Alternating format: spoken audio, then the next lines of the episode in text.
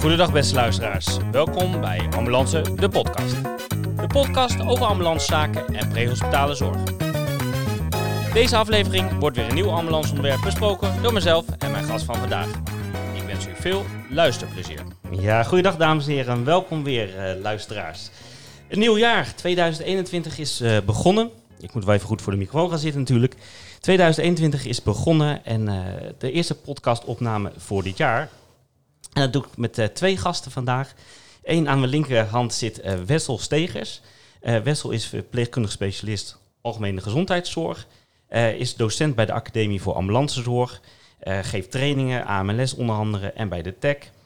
En is ambulanceverpleegkundige bij Ambulance Amsterdam.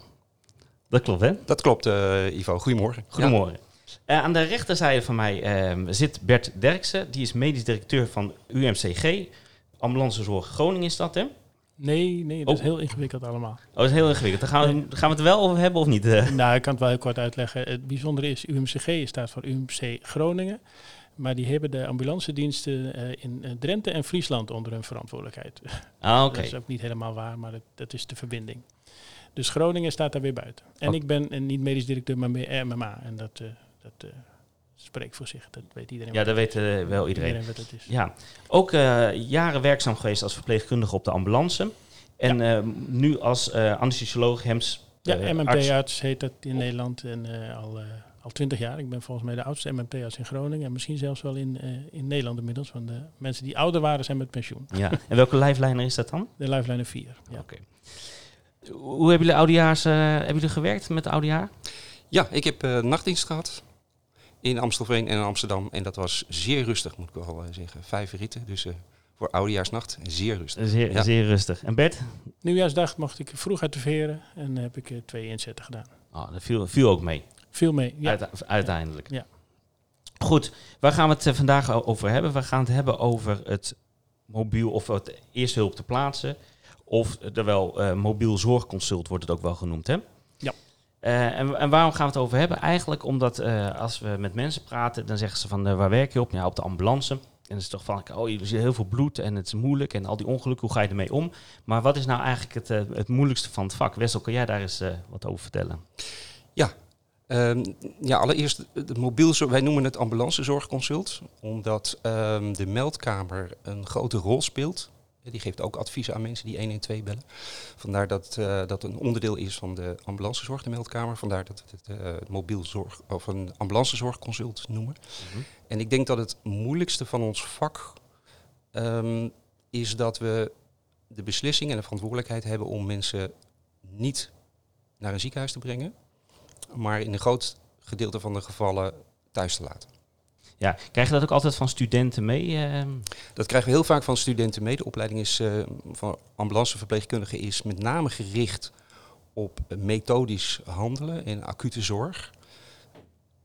En we krijgen vaak van, eh, van studenten na van, goh, wat vind je nou het moeilijkste aan de opleiding? En dat is inderdaad eh, mensen thuis laten. Het niet vervoeren van mensen en de beslissing en de verantwoordelijkheid innemen. Ja. Ja, want wat is daarvoor nodig? Heel veel kennis eigenlijk natuurlijk, hè? Ja, daar is eh, kennis voor nodig. Eh, daar is een bepaald eh, redenatieproces eh, voor nodig. Daar is goed overleg eh, voor nodig bij eh, ketenpartners en bijvoorbeeld een huisarts. Om die verantwoordelijkheid eh, te nemen en die beslissing te nemen. Je ziet inmiddels ook eh, op de ambulance zie je heel veel verschillende mensen eh, werken. Er- Sommigen komen van de intensive care, sommigen komen van de spoedeisende hulp. Heb je mensen die nu van de lange trans afkomen, BMH. Iedereen is eigenlijk anders opgeleid. Hè? Maar uiteindelijk, als we bij een eh, casus zijn, moeten we eigenlijk allemaal dezelfde diagnose stellen en hetzelfde advies. Gebeurt dat momenteel, denk je Bert? Ja, daar heb ik goed vertrouwen in. Ik geloof wel dat het gebeurt. Ik denk niet dat iedereen het even makkelijk doet. Eh, en eh, ook de wijze waarop iedereen het doet zal verschillend zijn. We weten dat de, jonge mensen meer eh, varen op hun formele kennis, op, op de, de, de boekengeleerdheid. En de, de oudere collega's die zullen natuurlijk heel veel op hun gevoel doen. En dat proberen te, te rechtvaardigen met eh, analytische kennis, analytische methodiek om te bedenken van ja, wat, wat ik gevoel, wat, ik, wat voor idee ik heb, dat klopt wel. Eh, dus de manier waarop ze eh, tot een beslissing komen zal verschillend zijn. En dat is eigenlijk niet erg. Ehm, eh, als het maar tot de juiste beslissing is. En dat is het wel vervoeren of niet vervoeren. Ja, en misschien nog wat genuanceerder, want eh, wel vervoeren of niet vervoeren, dat, dat- ja, ik ben daar een beetje allergisch voor, sorry hoor. We zijn natuurlijk geen vervoersbedrijf meer eh, met de keuze van eh, krijg je een ticket om wel of niet mee te mogen. Ja, Nee, we be- behandelen eh, ter plaatse of we, behandelen, eh, eh, we, we laten de behandeling over aan, aan collega's in de keten. Eh, dus we, we verwijzen naar een huisarts of naar een andere ketenpartner of we brengen de patiënt naar het ziekenhuis. Eh, maar ook de behandeling eh, in, in de thuiszitting is een wezenlijk onderdeel van ambulancezorg in mijn beleving. ja, zeker. En het is meer toegenomen, denk ik ook. Hè? Vroeger kwamen ze natuurlijk van, kwamen natuurlijk van vervoersbedrijven, eigenlijk letterlijk. Ja. En die zorg is allemaal doorontwikkeld. En eh, zie je wel dat het wat ingewikkelder wordt, hè? omdat er steeds meer verschillende vangnetten zijn.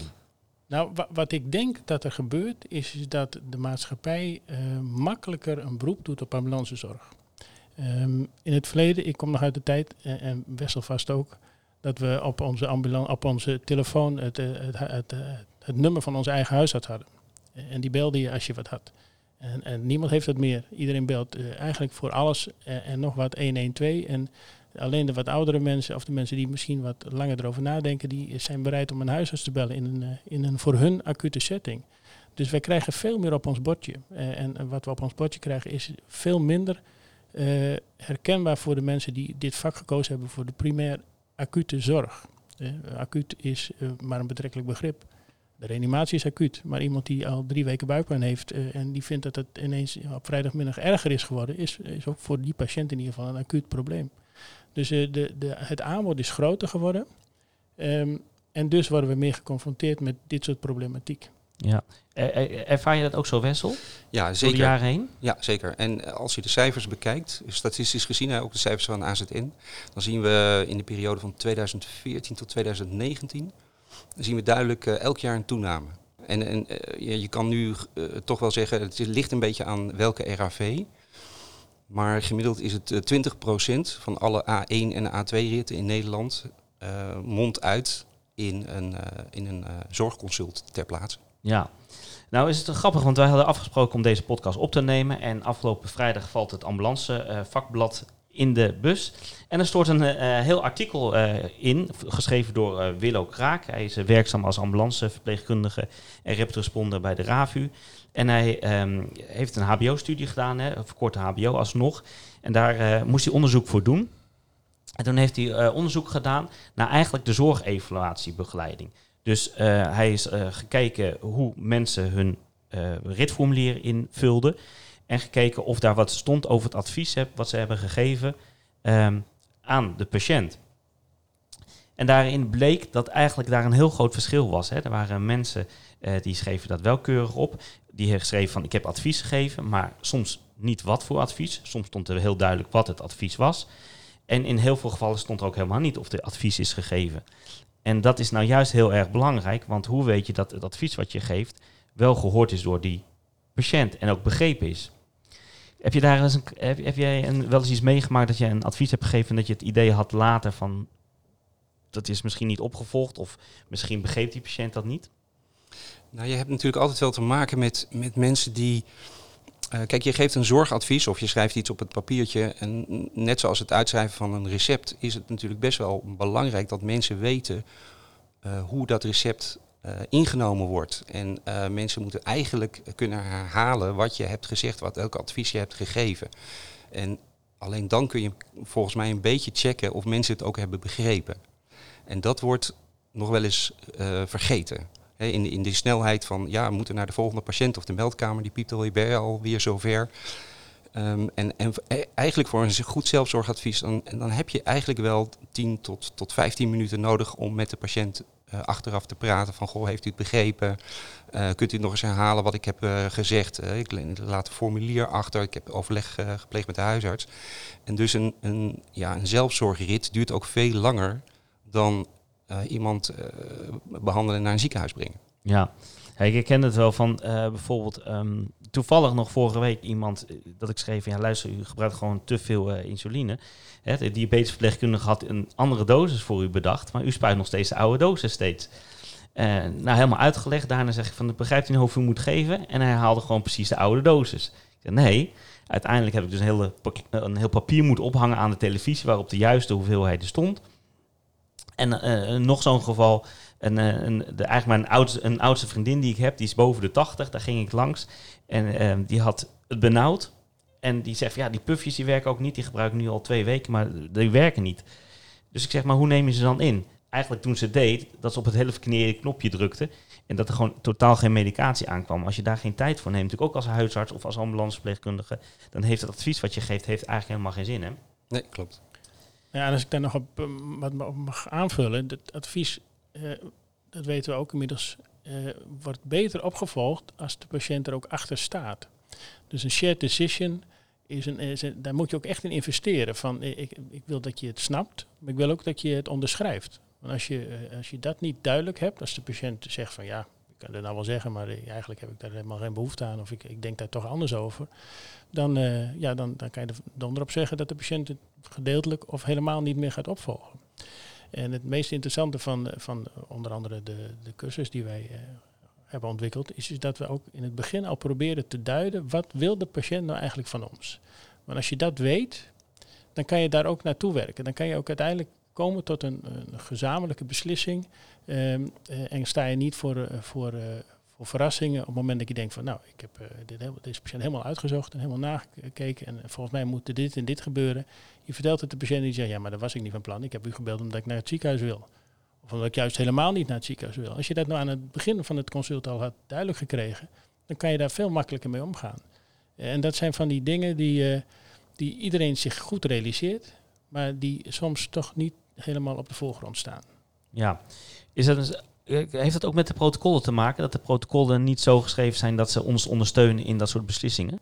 Nou, de protocollen zijn natuurlijk vooral geschreven eh, voor de uitvoering van therapie, van behandeling. Ehm, er zijn maar enkele protocollen die helpen bij de diagnostiek. En eigenlijk zijn dat meer heuristieken en acroniemen, zoals bijvoorbeeld het FAST testje of een Glasgow Coma score of eh, Revised Trauma score. Dat zijn allemaal dingen die gaan helpen om een stukje diagnostiek rond te krijgen. Maar het hele proces van de diagnostiek en het komen tot eh, een besluitvorming, eh, een klinische beslissing, dat is in het protocolconcept zoals we dat nu hebben helemaal niet opgenomen. Ja.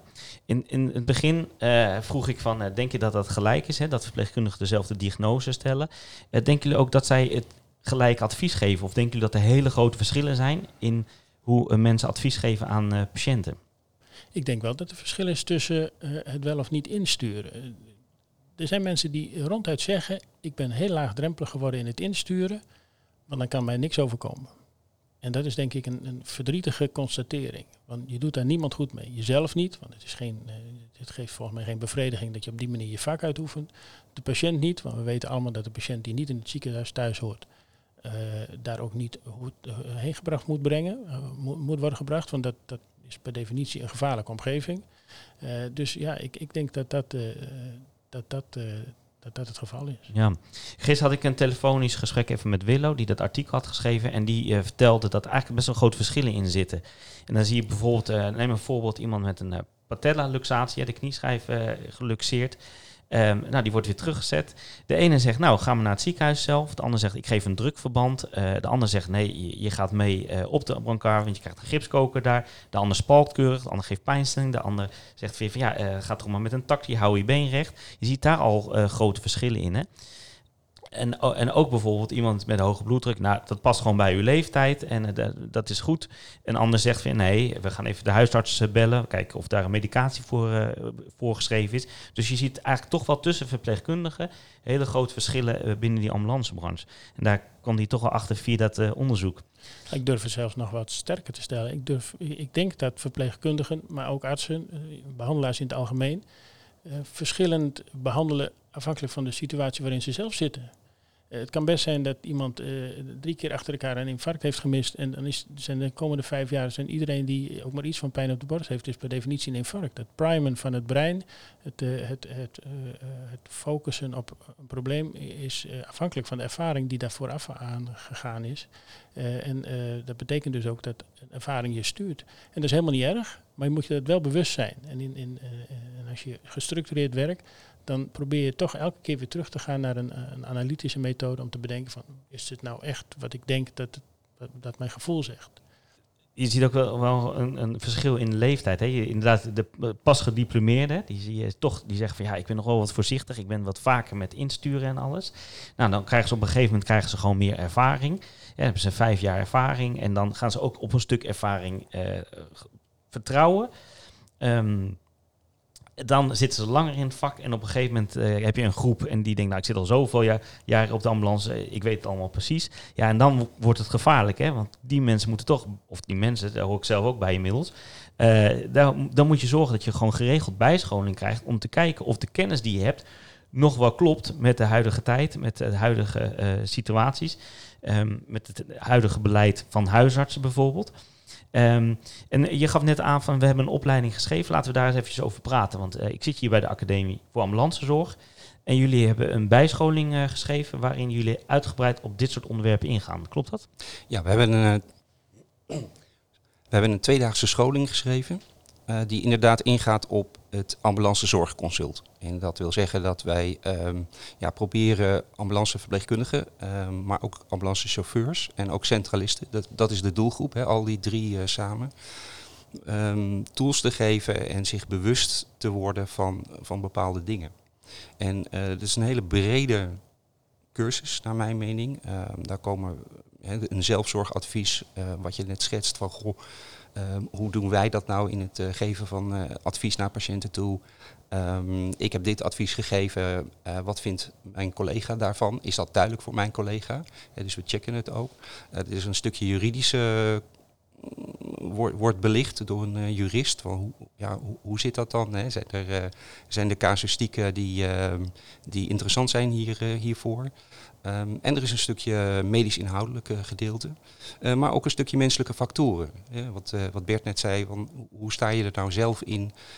Ken je jezelf goed? Wat zijn factoren die jouw beslissing eventueel kunnen beïnvloeden? Dus ja, ik vind het een hele interessante brede cursus die, ehm, die heel goed aanvult op ehm, de ambulancehulpverlening. Ja.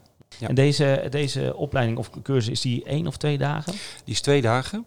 En wat ik ook wel interessant vind, is dat de meldkamer heeft natuurlijk ook een grote rol in het, eh, in het eh, ambulance zorgconsult. En we zeggen, eh, ja, we geven vaak af op de meldkamer. Hè, wa- waarom worden we hier nou voor gestuurd? Hè, die meneer heeft al een week buikpijn. Ehm, ja, je moet je veronderstellen dat, dat de meldkamer ook heel veel zelfzorgadvies doet aan patiënten. En die vangt ook een heleboel weg. En als je dan een band hoort later van ja, dit was de melding, dan kun je misschien ook iets beter voorstellen waarom jij naar deze patiënt bent gestuurd. Ja, ja het is altijd anders dan... eh, Het is altijd anders dan inderdaad dan, dan het vermoeden is. Ja. klopt. En ja, verpleegkundige werkt niet alleen, die werkt met een, eh, met een ambulancechauffeur. En eh, ja, voor, voor hem of haar is ook een grote taak weggelegd in, eh, in, in de observatie hè, bij de patiënten zelf. Eh, ja, twee paar ogen zien meer dan één paar ogen, zeg ik altijd. Ja. En er zullen er misschien mensen zijn die denken van, ja, is, is dit nou nodig? Maar eigenlijk, als je gaat kijken, ehm, en dan ga ik het er toch heel even over hebben, calamiteiten binnen zo'n ambulancedienst, dan is bij alle diensten gelijk, is ongeveer 80% zit in communicatie. Hè? En niet eens in het handelen, maar vaak communicatie eh, gerelateerde dingen. Eh, dat kan zijn eh bejegening, maar heel vaak is het ook van wat is er verteld aan een huisarts of aan een ketenpartner of hoe is iets opgeschreven of welk advies is gegeven. Herken je dit, Bert, bij jullie ook in de dienst? Nou, ik, dan wil ik toch even een, een onderscheid maken tussen een calamiteit en een klacht Ja. of een incident. Eh, ik, ik denk dat die communicatie vooral eh, de oorzaak is van heel veel klachten. Eh, en dat een calamiteit te maken heeft, tenminste voor zover ik dat vanuit eh, de IGJ eh, snap, met het missen van diagnoses of het verkeerd diagnosticeren en met, eh, met consequenties voor de patiënt. Ja. Eh, eh, en natuurlijk heeft dat ook weer te maken met communicatie. Van een groot deel van onze informatieverzameling die we nodig hebben in het consult, eh, heeft te maken met communicatie. Met optimaal communiceren, met goed kunnen vragen, maar ook goed kunnen luisteren. En goed kunnen interpreteren. En dat is volgens mij allemaal communicatie. Ja. In die twee dagen gaan jullie dan heel erg in op ziektebeelden, zoals syncope of kleine traumaongevallen, of gaan jullie eh, breder kijken? En nou, we zullen zeker een aantal casuïstieken aanbieden, maar dat is vooral ter illustratie, omdat we ervan uitgaan, eh, de- we zijn ervan uitgegaan dat de, de, de formele kennis, zeg maar de boekengeleerdheid, de kennis over ziektebeelden, pathologie, fysiologie, eh, dat die eh, meer dan voldoende aanwezig is. Eh, eh, het verwerken van die informatie, en met, name hè, omdat dit een diagnostische cursus is, hoe komen we nou tot, tot onze besluitvorming? Hoe, verwoorden we die besluitvorming en hoe voeren we die besluitvorming uit? Eh, dat is iets wat, wat vooral de aandacht krijgt. En dus de methode van het, eh, het uitvoeren van een ambulanceconsult, van een ambulanceproces, eh, dat komt vooral aan de, aan de orde. En alles wat daarbij te maken heeft. De, onze menselijke eh, interactie, onze communicatiemethodieken, eh, onze redeneertechnieken, technieken, de, de, de manier waarop we kijken naar, naar onszelf, waarop we kritisch blijven kijken naar onszelf. eh, dat zijn allemaal dingen die vooral aan de orde komen. En die worden geïllustreerd, want dat kan ook niet anders, met casuïstieken. Oké.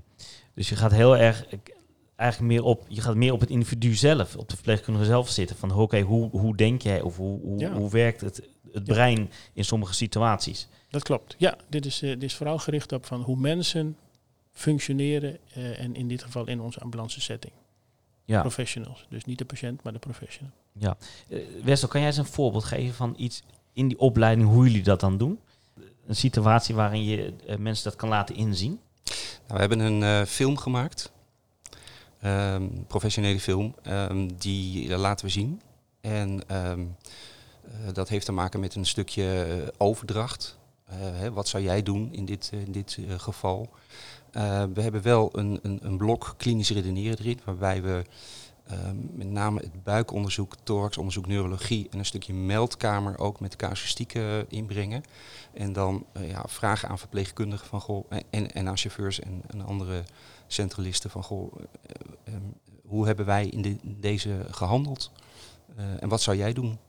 Dus gewoon echt eh, eh, ook een heel veel intervisiestuk is het eigenlijk. Ja, dat is een stukje zelfzorgadvies. Eh, we laten mensen eh, overdrachtsformulieren meenemen. Van goh, kijk, dit is ons overdrachtsformulier en dit hebben wij als overdrachtsformulier. Ehm, wat vind jij ervan? Eh, wat, wat, wat kan er beter bijvoorbeeld? Hè? Wat kan er anders?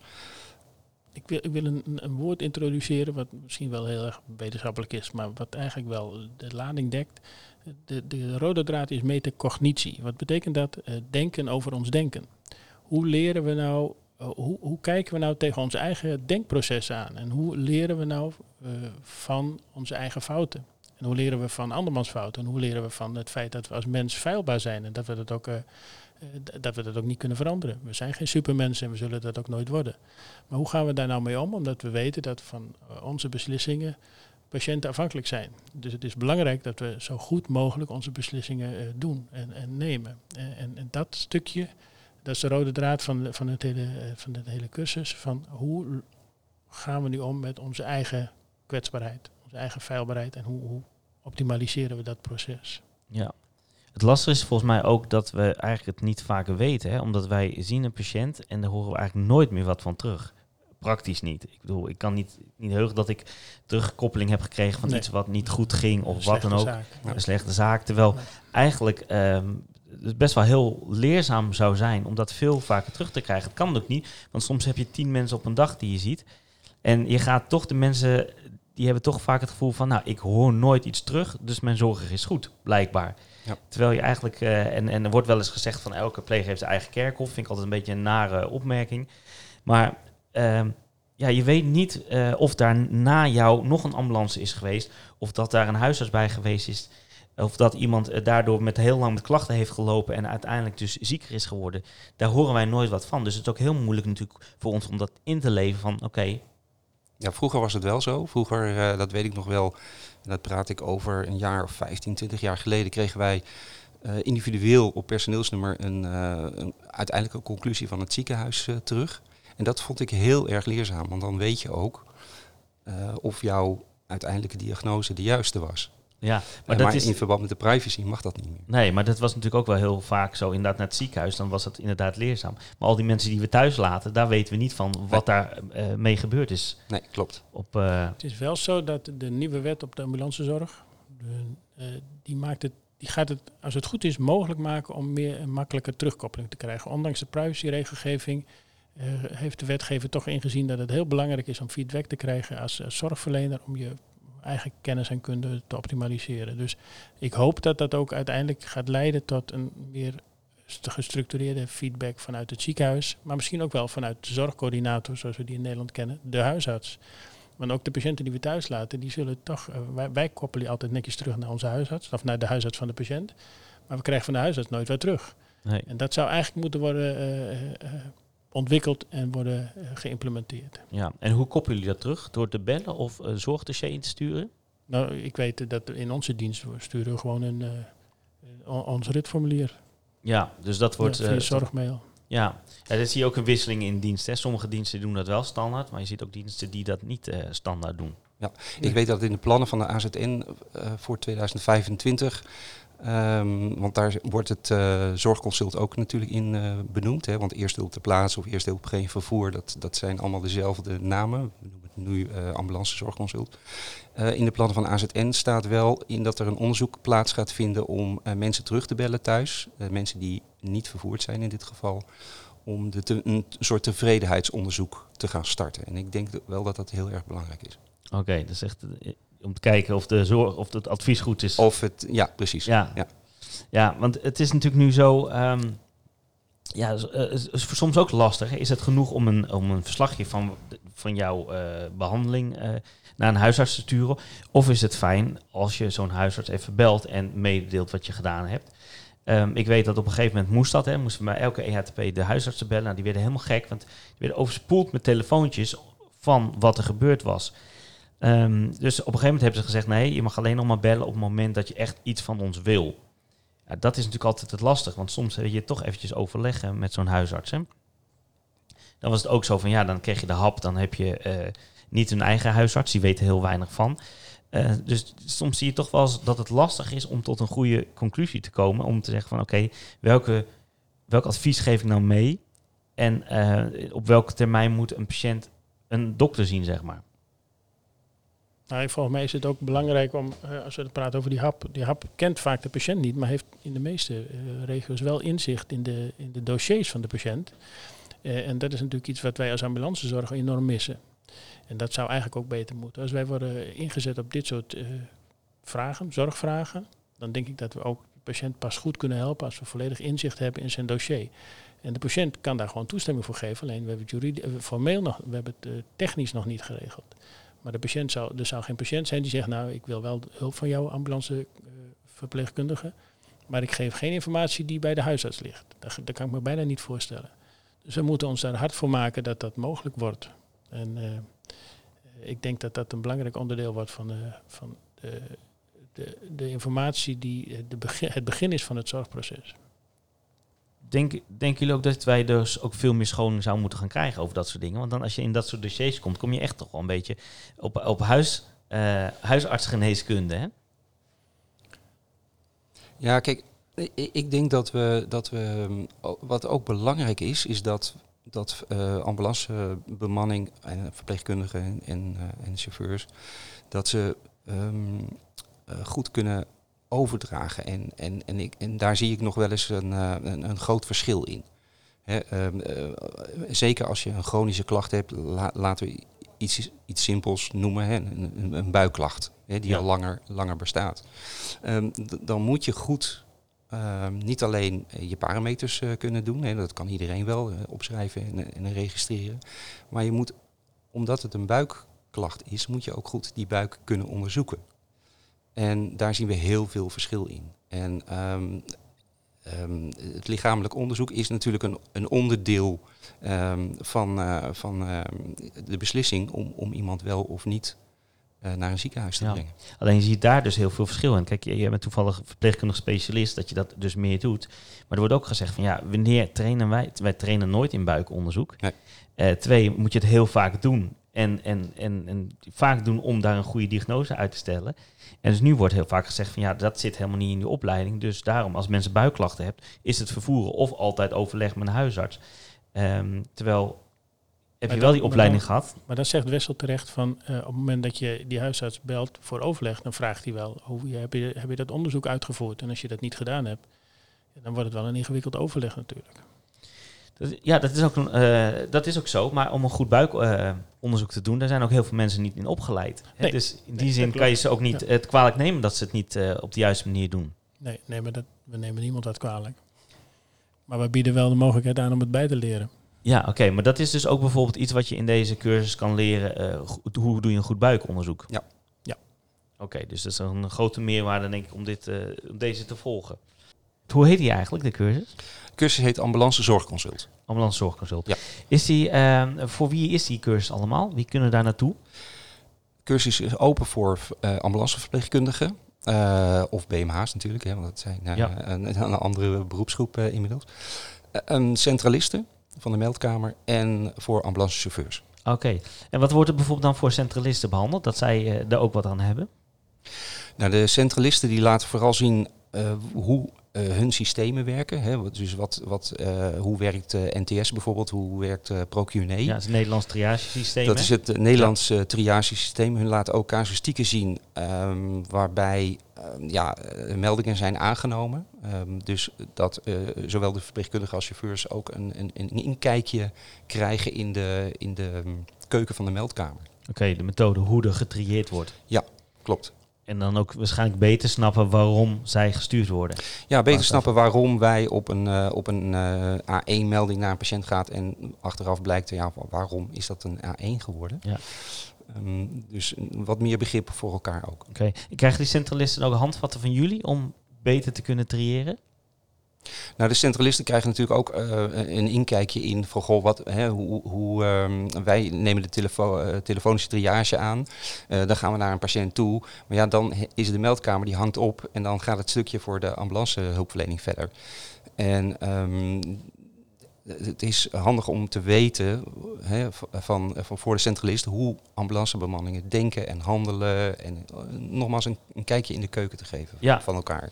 Ja, dat is denk ik heel belangrijk. Hè? Dat je van elkaar weet hoe het hele zorgproces in elkaar zit. Want anders ben je maar een schakeltje. En terwijl je kan dan minder goed breed denken. Precies, ja.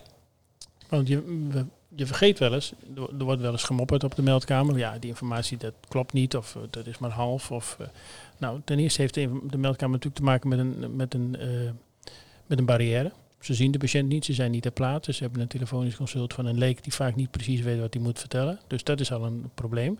Maar we weten wel dat informatie ook zinvol, heel zinvol eh, kan bijdragen aan het complete proces.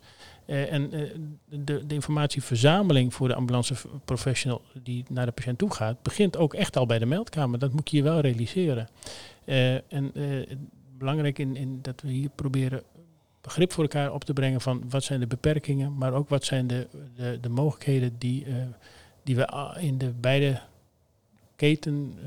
ketencomponenten hebben om, om informatie te verzamelen. Ja. En ehm, ja, het is ook goed om die informatie te respecteren en te gebruiken die de meldkamer ons verstrekt als we de Ja. patiënt zien. ja, want daar zit natuurlijk ook al een risico in. Hè? Dat je bijvoorbeeld hoe, hoe er geschreven wordt door zo'n centralist maakt al of jij in aannames gaat. Hè?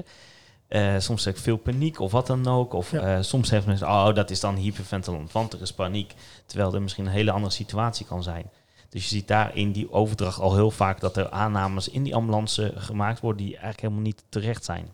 Nee, dat zien we ook in, de, in, de, in het MDT, en in dat eh, systeem wat elke ambulance heeft.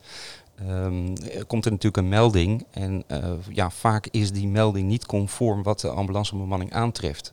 En als je weet wat de centralist ehm, telefonisch dan heeft aangenomen, dan begrijp je misschien wat beter waarom die melding zo in je scherm komt. Ja.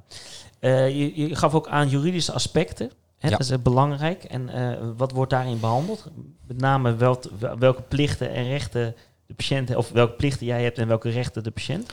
Ja, dat is natuurlijk wet en regelgeving. eh, wordt gegeven door een jurist die eigenlijk wel gespecialiseerd en zijn interesse ook heeft in het ambulancehulpverlening. Dus dat is wel heel erg, heel erg leuk. Er zullen ongetwijfeld heel veel vragen komen. Van eh, ja, hè, wat, wat, wat, eh, wat nou als, als er dingen eh, niet goed gaan? Hè? Ehm, fouten kun je natuurlijk maken. Dat is menselijk. Ieder mens maakt fouten. Je moet er alleen van leren, hè? anders heeft het geen nut. Ja. Ehm, ja, dat is, dat is, dat is een, een, een belangrijk aspect, zeg maar.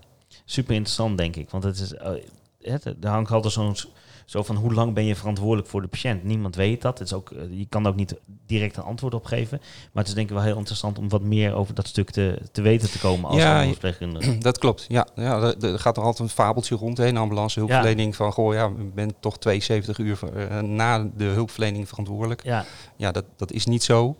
Eh, maar hoe zit dat dan wel? Ja, ja, dat wordt behandeld. en wat is dan wel belangrijk en, en Ja. hoe, hoe geef je zo'n overdracht aan een huisarts, Ja. inderdaad. Ja, en dan blijkt toch de, de registratie van, eh, ja, van levensbelang te zijn. Ja.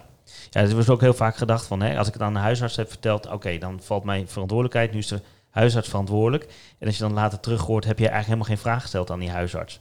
Hè, dus dan is zo'n huisarts ook niet verantwoordelijk, want die heeft helemaal niet eh, de informatie gekregen van jou die die had moeten hebben. Nee, precies. En wanneer is nou echt de zorg overgedragen? Hè? Ja. En wie heeft dan de verantwoordelijkheid? Eh, dat, is, dat, is toch, dat zijn toch aspecten die, denk ik, elke ambulance hulpverlener moet weten. Ja, interessant.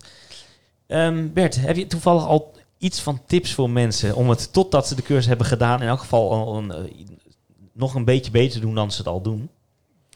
Nou, misschien is het leuk om een aantal psychologieboeken te lezen. Hoe wij denken en hoe wij eh, eh, komen tot beslissingen in het algemeen en in ons vak als ambulance hulpverlener in het bijzonder. Ehm, een van de dingen die heel logisch is en waar je, niet, gewoon niks aan kan doen, is dat we, als we iets in ons hoofd hebben, dat we alle informatie die opnieuw daarna binnenkomt, eh, die eh, dat wat we in het hoofd hebben eh, steunt, dat we dat belangrijker vinden dan informatie die er tegen is. Dus stel dat we intuïtief denken van dit is een patiënt met cardiale problematiek, dan, dan gaan we natuurlijk ons proces in en dan verzamelen informatie. En alle informatie die dat steunt, die geven we een, een hogere rangorde dan informatie die dat niet steunt. En nou is het heel belangrijk om je dat te realiseren. Dat noem je metacognitie, denken over je eigen denken. Dat je eh, van tevoren bedenkt dat zo werkt dat in mijn brein. En eigenlijk moet ik datgene wat pleit tegen wat ik in eerste instantie in mijn hoofd heb ook goed onderzoeken en ook goed duiden. Eh, hoe kan het nou zijn dat dit symptoom niet past in het rijtje wat ik in mijn hoofd heb? Eh, we zijn geneigd om te denken van, dat, is dus, dat is dus menselijk, van nou, dat zal dan wel. En dat moet juist niet. En dat is een tip die je meeneemt om te voorkomen dat je in de valkuil stapt van eh, ja, onze, onze focus, onze kokervisie. Ja. Dan bijvoorbeeld ook, eh, laten we allemaal gewoon wat tips geven. Hè? Handschrift. Kan eh, hetgene wat je opgeschreven hebt, kan de patiënt dat eigenlijk wel lezen? Dat is ook al belangrijk, want je ziet heel veel verschillende handschriften en sommige zijn gewoon echt niet te lezen. Dus check dat. Willow schrijft ook in zijn artikel, ehm, dat je ook read back en teach back, dus dat je iets eh, opschrijft, iets vertelt en dan aan de patiënt terugvraagt van, kunt u mij nog eens vertellen welk advies ik heb gegeven? Klinkt een beetje betuttelend, maar dan zal je zien dat heel veel niet opgenomen is.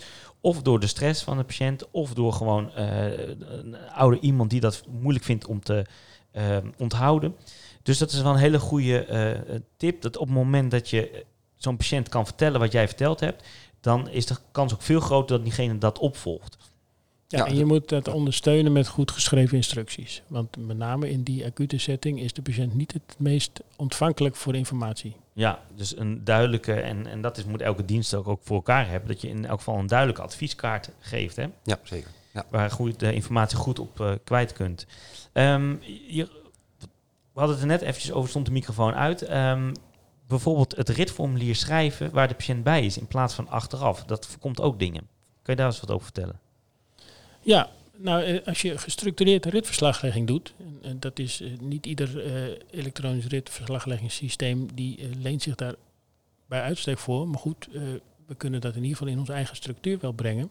Als je gestructureerd een ritverslaglegging doet, dan help je dat ook om de zaken nog weer eens goed op een rij te zetten. En om een soort recapitulatiemoment in te lassen in het eh, Eh, en om eens te bekijken van, heb ik nu alles gedaan wat ik moet doen? Heb ik nu elke eh, symptoom wat ik heb gevonden geduid? Eh, kan ik dat verklaren? Ehm, zijn er dingen die ik nog heb nagelaten? Ehm, en is de redeneertrand, is dat eigenlijk wel een logische? Je kan heel kritisch naar jezelf kijken. Als je iets op papier zet, of iets gestructureerd nog eens een keer bij langsloopt, en daar de tijd voor neemt, dan voorkom je dus dat je dingen achteraf vergeten bent. Iedereen weet wel, eh, we hadden het er ook, ook met, zonder de microfoon aan nog even over. Je rijdt weg en je denkt, oh, nou heb ik toch die bloedsuiker niet gemeten. Eh, en, dat voorkom je door de tijd te nemen om ook je verslaglegging te doen voordat je de patiënt verlaat. Ja. ja, ik denk dat iedereen dat herkent. Hè? Dat je, soms ben je ook zo bezig met de casus en dan is het ook wel leuk zit je een beetje te praten met zo'n patiënt en je komt van het een op het ander en zegt, Ja. nou nee, het valt allemaal wel reuze mee en je gaat weg en dan denk je, Godverdorie, ik heb niet eens gevraagd of iemand allergie heeft of dat iemand medicijnen gebruikt. En hoe kan ik dat nou missen? Maar dat komt gewoon doordat je mensen bent en gewoon soms onwijs afgeleid wordt van hetgeen waarvoor je komt eigenlijk. Ja. Ja. Klopt. Hè? Om een goede, soms is het ook heel duidelijk wat, eh, wat het is. Maar ja, dan is toch wel, als je dan later de medicijnen hoort, denk je, oeh, die had ik even niet zien aankomen. Nee. En ken jezelf ook, dat is, dat is denk ik ook een heel belangrijk aspect. Hè? Je, eh, ken, weet van jezelf dat als jij een nachtdienst hebt gehad en je moet er tien minuten voor het einde uit, dat jij misschien wel eh, anders die rit afhandelt dan dat je je rit begint. Ja, En dat is niks menselijks. Ik zeg niet dat het goed is. Eh, maar wees je er wel van bewust dat dit soort dingen een, eh, een, een factor zijn in, in jouw handelen. ja. ja, dat is denk ik heel belangrijk. Hè? Toch komen we toch weer op dat CRM eh, uit steeds. Hè? Ja. We hadden net over de nieuwe protocollen eh, die eraan gaan komen. En een van de veranderingen is eigenlijk het Spartmodel. Kan je daar wat meer over vertellen? Wat is dat Spartmodel? Want iedereen hoort het eh, steeds, maar volgens mij weet niet iedereen eh, wat het nou precies betekent en wat het gaat inhouden. En dat is heel grappig, want iedereen weet precies wat het gaat betekenen en wat het gaat inhouden, alleen dat realiseren ze zich niet. Wat is het Spartmodel? Het Spartmodel is niks meer en niks minder dan een procesbeschrijving van hoe een normaal, dat is tussen haakjes normaal, want wat is normaal, eh ambulancezorgconsult, en dat is dan breder dan alleen maar het thuislaten van een patiënt, maar het complete proces eh, doorlopen wordt. Er zijn eigenlijk de fases, de stappen die je van het begin tot het eind neemt om eh, uiteindelijk tot je afronding van je zorgconsult te komen. Ehm, eh, en dat model is, is eigenlijk niks meer en min- niks minder dan het opges- eh, op, eh, opgeschreven stukje van, van wat we gezien hebben, hoe het werkt. Dus iedereen moet zich er ook in herkennen. En dat, dat blijkt ook wel als je het eh, goed uitlegt. Dan zeggen mensen, ja, nee, maar zo doe ik het eigenlijk altijd al. Ja. Je moet je wel realiseren, het is een model. Dus het is een theoretische weergave van de werkelijkheid. En de werkelijkheid is weerbarstig. Dat wil zeggen dat die stappen niet altijd in die volgorde worden doorlopen. Dat is ook helemaal niet erg. Dat niet alle stappen worden, eh, worden eh, überhaupt worden ge- gedaan. Ook dat is logisch. Zo werkt het in een mens. Maar als we hebben het gaat over die, eh, die verslaglegging. Als je zo'n spartmodel gebruikt voor de verslaglegging. om op het moment van, van bezinning, van, van, de, van over, overzien van de situatie, alle stappen nog eens een keer bij langs te lopen. Dan heb je dus ook handvatten om te bedenken van ja, ik ben toch vergeten te vragen hoe dat nou ontstaan is, die klacht. Een stukje presentatie, de letter P in het spartmodel. Ehm, eh, eh, of eigenlijk proloog in de letter P. Ehm, of ik ben vergeten om een, eh, een, een bloedsuiker te doen. Hè. Dus een patiënt die normaal gesproken eh, eigenlijk niet per se in aanmerking komt voor het meten van een bloedsuiker. Maar het is wel grondig om eventuele alternatieve diagnoses uit te sluiten. Ehm, en dat bij de anamnese of bij, bij het assessment probeer je uit te zoeken van zijn er aanwijzingen dat er iets anders aan de hand is. Ja, want waar staan de letters voor? Eh, Oh ja, de S, laten we ja, beginnen met de S. Nou, de S is eigenlijk, ja, het model bestaat uit vijf letters. Oh ja. Spart, Ja. vijf letters. En iedere letter heeft een dubbele betekenis. Start is de, de initiatie van de hulpverlening, eh, de informatie die je via NBT krijgt. Het pappen in de auto, voor in de, in de auto bespreken we natuurlijk met elkaar van wat zouden we kunnen verwachten. Er komen ook al eh, hypotheses naar voren. Nou, dit zou wel een hartinfarct zijn op basis van de informatie, of dit is iets pulmonaals, of dit is een groot ongeval. Ehm, we doen aan taakverdeling, we, doen aan, eh, eh, we maken een aanvalsplan. Ehm, dat is de eerste S. De tweede S is de situatie. Dat is, je komt ter plaatse. En als het een buitenongeval is, dan is het al vanuit je auto dat je bepaalde informatie krijgt en ook verwerkt. Ehm, eh, en als het een, in een huiszetting is, is op het moment dat je de deur binnenstapt, heb je al een idee van wat er aan de hand is. En het idee is vaak een heel intuïtief idee. Dit is goed of dit is niet goed. Hier moeten we snel zijn of hier hebben we de tijd. Dit is gevaarlijk of dit kan. Ehm, nou, dit is eh, nou ja, alle gevoelens die je maar kan bedenken. Dat is iets wat eh, onbewust gebeurt, wat ook vaak niet wordt uitgesproken. Ehm, dus als je daar onderzoek naar doet, is dat best lastig. Ehm, maar dat is wel een gegeven dat dat zo werkt. Als je mensen de navraag doet van gebeurt het bij jou in je hoofd, dan zeggen ze ja, dat klopt. Ja. Nou, dan kom je bij de, dat zijn de twee eerste letters S. Dan kom je bij de P van eh, presentatie. We weten dat eh, ehm, als de patiënt zich presenteert met een klacht, pijn in zijn buik, dat we ons daar ook op richten als hulpverlener. Het is natuurlijk heel raar dat je zegt van ja, ik weet dat u gemeld heeft bij de meldkamer dat u pijn in de buik heeft. Maar ik wil toch eens even beginnen met een algemene vragenlijst. Eh, heeft u ziektes enzovoort. Zo werkt dat niet. Wij richten ons eigenlijk altijd primair op de klacht waar de patiënt zich mee presenteert. En dat is ook logisch, dat is menselijk en dat is ook logisch. Ehm, in dat stukje presentatie, het presenteren van het probleem, zit ook een, eh, een, eh, een stukje terugkijken in de tijd. Heel logisch zeg je van, u heeft nu pijn op de borst. Maar had u dat gisteren ook? Of heeft u dat eerder gehad? Eh, wat, zijn er, eh, wat voor factoren beïnvloeden die klachten? Eh, is er iets wat het beter maakt, is er iets wat het slechter maakt? Dus de proloog naar de presenterende klacht is de tweede letter P. En die zit in de tijd ervoor, maar in de uitvraag daarna. Want we kunnen natuurlijk niet de patiënt iets vragen van, als we die patiënt nog niet in de ogen kunnen kijken. Nou, en dan hebben we dat allemaal op een rij. En dat, daar gaat veel tijd in zitten. We richten ons op, algemeen, of op, op specifieke dingen die de patiënt, de patiënt last van heeft.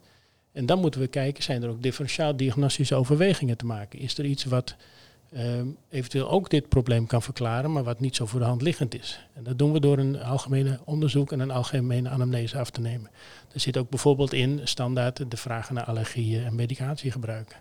Eh daar zit eigenlijk eh, bijna iedere patiënt van ons wordt aan de bloeddrukmonitor, eh, aan de saturatiemeter en aan, een, een ECG ge- gelegd. Ook al is dat niet primair altijd waar de patiënt zich mee gemeld heeft. En die informatie die neem je mee in de, in de twee A's. En als, als je dan die informatie... Die, die twee A's is assessment en Nou, we hebben het in het Nederlands, is algemeen onderzoek algemeen onderzoek gewoon. Oké, en anamnese. anamnese. Ja. Ja, want we hebben dit model is in het Engels ontwikkeld door ons, maar het is in het Nederlands vertaald. Dus we kunnen het keurig in het Nederlands presenteren. Ehm, eh, en eigenlijk zijn dus de letters SPA, zijn de, de, de- is, is in het complete consult, dat zijn de momenten dat we de informatie verzamelen. Nou, dan komen we eh, in een, letter R van redeneren.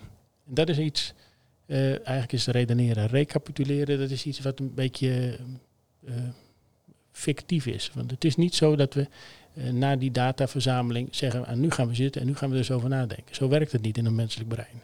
Vanaf het begin zijn we aan het nadenken. Vanaf het begin zijn we aan het hypothetiseren. Vanaf het ding zijn we eh, aan het eh, testen en checken van eh, wat hebben we in gedachten, klopt dat of klopt het niet. Dus dat redeneerproces is een, is een letter die daar gepositioneerd is omdat we vinden dat je dat wel aandacht moet geven. Juist, eigenlijk is dat de rode draad. Maar het begint al vanaf het begin en gaat door tot het einde. Ehm, in de, de tweede letter R staat voor resultaat. Uiteindelijk moet je bedenken wat je met je uitkomst wil doen. Je moet een beslissing nemen. En die beslissing moet je ook eh, eh, eh, gestructureerd omschrijven. Het is eigenlijk een beetje raar dat je tegen een patiënt zegt, nou, ik, ik ben er wel uit. U heeft een... eh, u heeft, uw hart doet het niet goed meer. U heeft een, een infarct doorgemaakt. Dan zegt de patiënt, nou fijn, en nu? Ja, dat is iets wat logisch is, maar wat eigenlijk vrijwel nooit wordt opgeschreven. Van de beslissing is dat ik deze patiënt niet instuur. Want deze patiënt is 98, heeft een uitgezaaid eh, prostaatcarcinoom. En eh, eh, bij de binnenkomst heeft hij mij al verteld van ik wil helemaal niet meer naar het ziekenhuis. Eh, dus die resolutie, die, die, dat, sorry, dat resultaat, die beslissing, die moet dat, ook echt worden uitgesproken. En dat is ook een belangrijk gegeven als je dat doet in, in samenspraak en in overeenstemming met de patiënt. Als jij een beslissing neemt waar de patiënt niet achter staat, we hebben het er eerder over gehad in deze, in deze podcast, dan kan het heel goed zijn dat de patiënt dit helemaal niet opvolgt wat je bedacht hebt wat het beste voor hem zou zijn. Dus het, moet een shared decision zijn, een gezamenlijke beslissing. Nou ja, en dan komen er de laatste letters van het model, dat is eigenlijk vrij eenvoudig. Dat zijn de, de, de therapiemogelijkheden, dat zijn de protocollen die we hebben, of de transfer. En de transfer, de, de transfer in het Nederlands, is heel uitgebreid eh, gedefinieerd. Dus een transfer is ook het teruggeven van de zorgvraag aan de patiënt. We praten over een stukje formele invulling van, van zoiets, maar het is ook gewoon een praktische setting van, nou, ik heb u goed nagekeken, ik eh, kan eigenlijk nu op dit moment niks vinden wat mij, eh, wa- waar, waarom ik u naar het ziekenhuis zou moeten brengen, of misschien zelfs niet eens hoeft door te verwijzen naar de huisarts. Dus ik laat u met een gerust huis thuis. Kunt u dat mee eens stemmen? En zullen we dat dan maar zo doen? Dat, en op dat moment, als de patiënt zegt, dat is goed, dan heb je formeel de zorgvraag teruggegeven aan de patiënt en is ook de zorg, het consult afgelopen. Eh, maar een zorgvraag kan natuurlijk ook beëindigd worden door een transfer te doen naar een professional of de patiënt echt fysiek naar het ziekenhuis te brengen. Ja, dus, En dan ben je rond. ja, dus echt een model wat je op echt alle casussen, op, gewoon op, op het hele werk van ons kan, eh, kan toepassen. Ja, want alle, alle dingen die we geleerd hebben, die, die blijven er gewoon in zitten. Als jij in de anamnese gewend bent om een, eh een alecobo of een soep of een- wat, wat voor acroniemen je ook kan gebruiken om dat netjes uit te vragen te gebruiken, dan blijf je dat gewoon gebruiken. Ja. Dat maakt het niet uit. ABC blijft ook een wezenlijk onderdeel van het proces. Het is helemaal niet weg als je Spart gebruikt. Nee. En wat is dan het nieuwste uit in het model? Denk je voor de mensen? Uh, het is niet nieuw. Het is alleen eens een keer opgeschreven en het helpt je dus om gestructureerd na te denken over je eigen handelen. Uh, en daarmee voorkom je dat je dingen niet meer bewust doet. Want dat is een groot gevaar. Als je dingen uh, onbewust gaat doen, uh, dan kan dat heel snel en handig zijn. Maar dat, je loopt ook het risico dat je dingen gaat vergeten. Ja. Um, dat sportmodel dat komt in, in het nieuwe LPA hè, te staan, heel duidelijk. Uh, wordt daar ook een, een soort werkwijze aan gekoppeld? Ja, we hebben uh, als protocollencommissie, want daar zit ik ook in, uh, ontdekt dat er vooral behoefte is aan een diagnostische ondersteuning. Het proces, het ondersteunen van het diagnostisch proces, hè, die, die, die, die therapeutische protocollen, waar het boekje vooral nu uit bestaat, die zijn eigenlijk wel heel goed en die helpen ook wel. Maar hoe kom je nou tot zo'n protocol? En met name, hoe kom je nou tot de beslissing als er helemaal geen protocol voor bestaat? De acute buik, uh, de, de, nou, de, de, dingen die we ook in deze cursus naar voren brengen. Ja. De, de, patiënt die uh, al jaren bekend is met een insult, die nu weer een insult heeft gehad, maar nu op een plek dat iemand 112 heeft gebeld. Wat doe je daar nou mee en hoe onderbouw je dat nou? Nou, dat stukje, dat, uh, dat, dat proberen we meer handen en voeten te geven in, in de protocollen van hoe ga je daar nou mee om? Dus Ja. het sluit naadloos aan bij wat we hier in de cursus hebben bedacht. Ja. Nou, ik ben heel benieuwd naar die protocollen. Ik heb echt zin om ze te gaan bekijken in de, in Ja. de toekomst. Ja. Goed, eh, leuk om eh, met jullie gesproken te hebben. Eh, ik ben eigenlijk hartstikke nieuwsgierig in, eh, naar deze opleiding. En eh, ik denk dat ik hem zelf ga aanvragen. Maar eh, gaat die ook lopen? Of is dat door COVID nog eh, beetje onzeker? Nee, we zijn in de laatste... ehm, en hij, hij is eigenlijk klaar. Ja? Er mm, gaat een... Ja, gedurende de corona eh, is de pilot eh, is uitgesteld. Ja. Eh, dat kan ook niet anders. Ehm, dus ja, ik, ik verwacht maart, april, Ja. denk ik dat, eh, dat we gaan starten. Misschien het beste advies, iedereen die eh, eh, in de ambulancebranche werkt en, en die deze cursus wil volgen, kijk gewoon naar de site van de Academie voor Ambulancezorg. Ehm, ik denk dat het echt een grote meerwaarde heeft. Ben je dit niet van plan? Nou, zorg dan in elk geval dat je ehm, bijscholing krijgt hè, in dit stuk. Want eh, de nieuwe protocollen komen eraan. Ehm, die worden geïntroduceerd. Die zijn ook veel meer gericht op het klinisch redeneren. Dus uiteindelijk zal je zeker bijgeschoold gaan worden door je eigen RAV. Eh, maar ik denk dat dit een hele mooie aanvulling is. En eh, dat we mee moeten ontwikkelen. Want je hoort steeds inderdaad meer mensen over. Ja, lijkt wel meer huisartsen. We constant eerste hulp te plaatsen. Dus daar moeten we ook zeker bijscholing in krijgen. Dus ik ben zelf heel enthousiast. Mooi. Eh, jullie hartstikke bedankt voor dit gesprek. Eh, tot de volgende keer, hopelijk eh, in die opleiding. Ehm, Ambulance de podcast. Eh, dit hele jaar eh, ga ik weer elke maand een podcast opnemen. Ik ben te volgen via Instagram, Ambulance de podcast. En je kan me volgen via Spotify of Apple Podcast. Luister je via Apple Podcast, dat is altijd wat makkelijker. Kan je je abonneren en kan je ook een recensie achterlaten. Dus geef vooral veel sterren. Ehm, tot volgende maand. Dag. Dag. Dag, dag.